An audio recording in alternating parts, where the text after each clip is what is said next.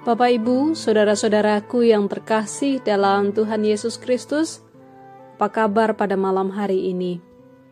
Malam hari ini kembali berjumpa dengan saya, Pendeta Ike. Kita akan bersatu hati dalam doa bersama untuk menopang setiap orang yang membutuh dukungan doa kita, terlebih lagi di situasi pandemi COVID-19 ini. Namun sebelum kita berdoa bersama dan terlebih dahulu kita mendengarkan firman Tuhan, kita akan mengambil saat teduh sejenak.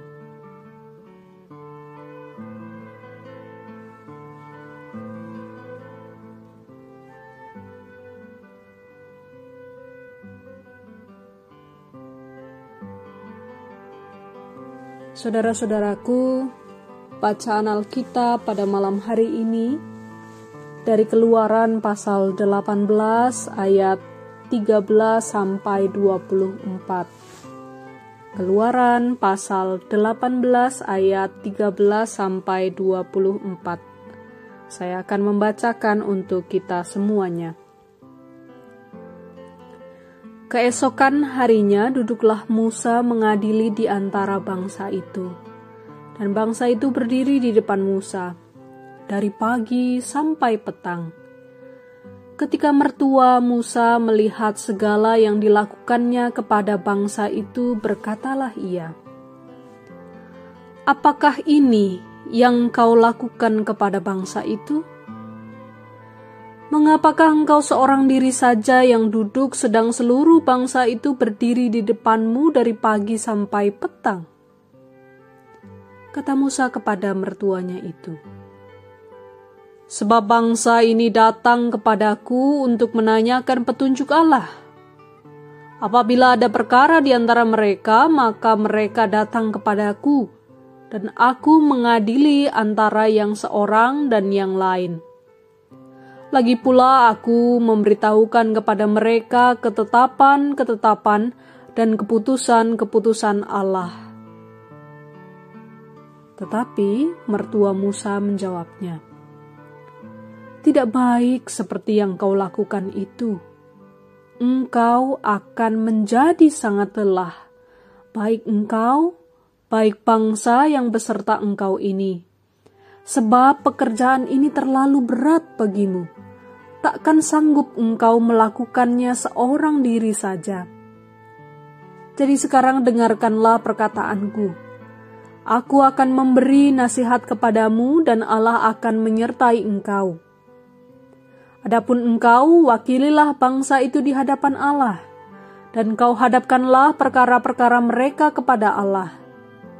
Kemudian, haruslah engkau mengajarkan kepada mereka ketetapan-ketetapan dan keputusan-keputusan, dan memberitahukan kepada mereka jalan yang harus dijalani, dan pekerjaan yang harus dilakukan di samping itu, kau carilah dari seluruh bangsa itu orang-orang yang cakap dan takut akan Allah.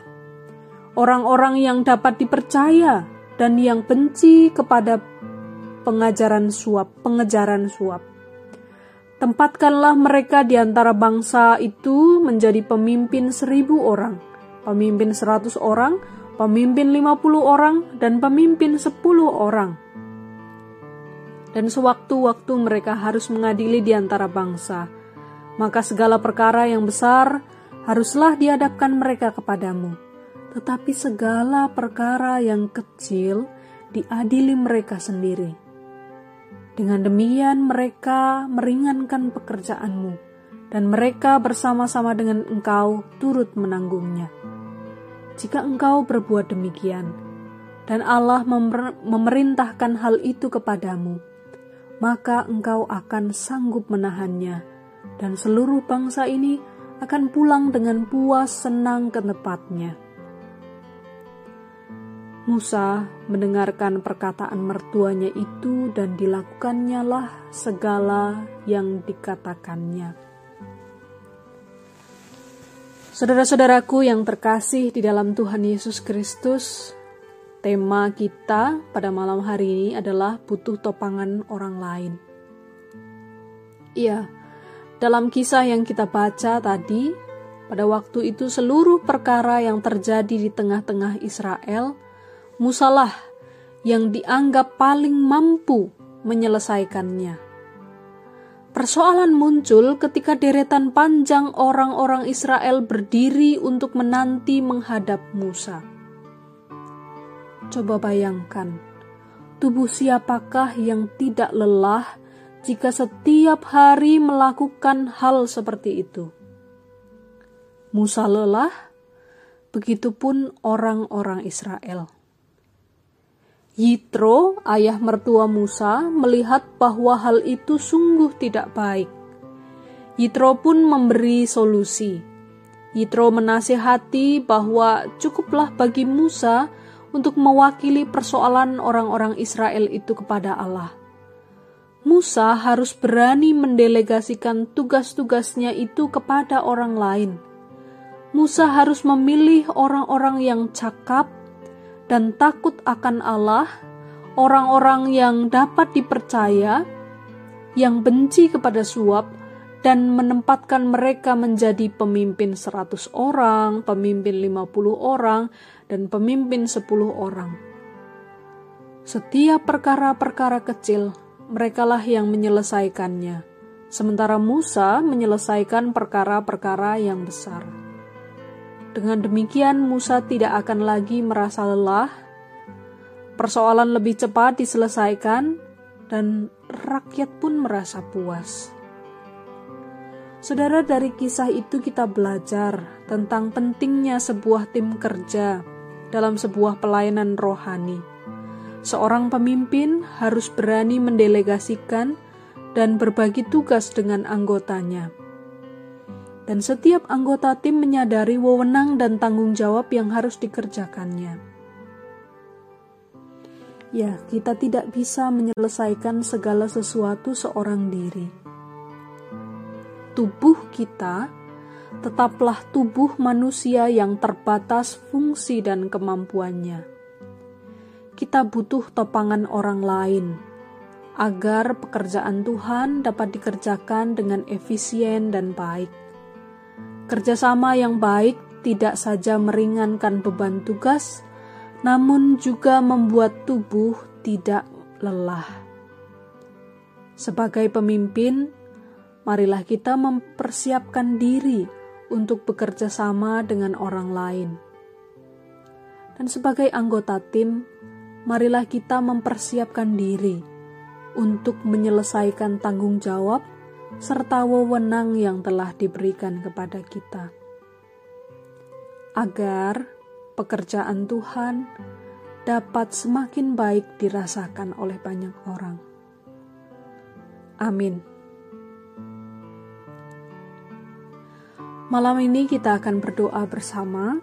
Kita awali dengan menaikkan doa Bapa kami yang diucapkan bersama-sama dengan keluarga.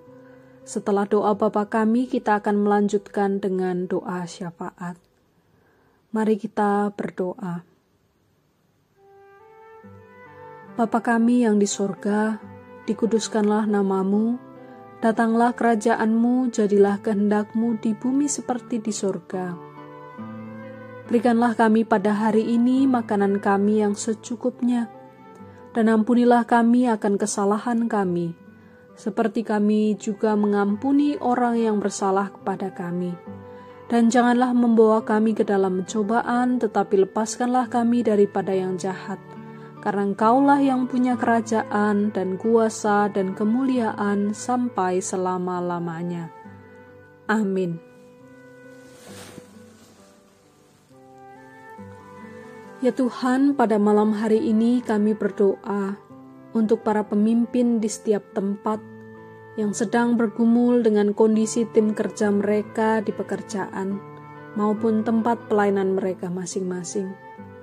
Mungkin ada pemimpin yang tidak bisa mendelegasikan pekerjaan karena tidak percaya kepada anggota timnya. Mungkin ada anggota tim yang tidak efektif bekerja karena tidak mendapat kesempatan untuk memaksimalkan wewenang dan tanggung jawab mereka. Ya Tuhan, tolonglah agar para pemimpin dan anggota tim boleh belajar dari nasihat Yitro yang mengajarkan kepada Musa untuk saling percaya. Terlebih lagi di tengah situasi pandemi ini, kami harus memaksimalkan kinerja dan belajar saling percaya agar pekerjaan-pekerjaan dapat lebih efektif dan dapat dirasakan hasilnya dengan baik. Tuhan, pekerjaan-pekerjaan yang kami lakukan, kami persembahkan kepada Tuhan. Dalam pengasihan-Mu kami mohon. Tuhan, dengar dan kabulkanlah doa kami. Ya Tuhan yang Maha Penyayang, malam ini kami mendoakan saudara-saudara kami yang positif virus COVID-19. Tuhan kuatkan mereka dalam menjalani masa karantina dan pengobatan. Kami mohon tenangkan batin mereka, berikan pikiran yang positif agar proses penyembuhan boleh berjalan lebih lancar. Kami juga berdoa untuk tenaga medis yang terus menjaga kesehatan diri mereka sendiri dan kesehatan orang lain yang mereka layani. Berkati kerjasama antara pasien dengan tenaga kesehatan. Ajarlah kepada para pasien untuk taat pada anjuran tenaga medis yang merawat mereka. Demikian juga ajarlah para tenaga medis untuk selalu sabar ketika menghadapi pasien-pasien mereka. Tuhan, kami menyadari Momentum ini menjadi kesempatan bagi kami untuk saling mendukung. Dalam pengasihan-Mu kami mohon. Ya Tuhan, apabila malam ini kami akan segera beristirahat, kami mohon perlindungan dari Tuhan. Jauhkanlah dari kami kuasa jahat yang hendak mengganggu malam kami. Berilah kepada kami waktu yang cukup untuk merebahkan diri di tempat peristirahatan. Izinkan kami esok bangun dengan kondisi yang sehat, tenang, dan penuh sukacita dalam berkarya. Inilah doa kami ya Tuhan, dalam pengasihan-Mu kami memohon. Tuhan dengar dan kabulkanlah doa kami. Amin. Saudaraku semua, demikianlah doa malam kita pada hari ini. Selamat beristirahat.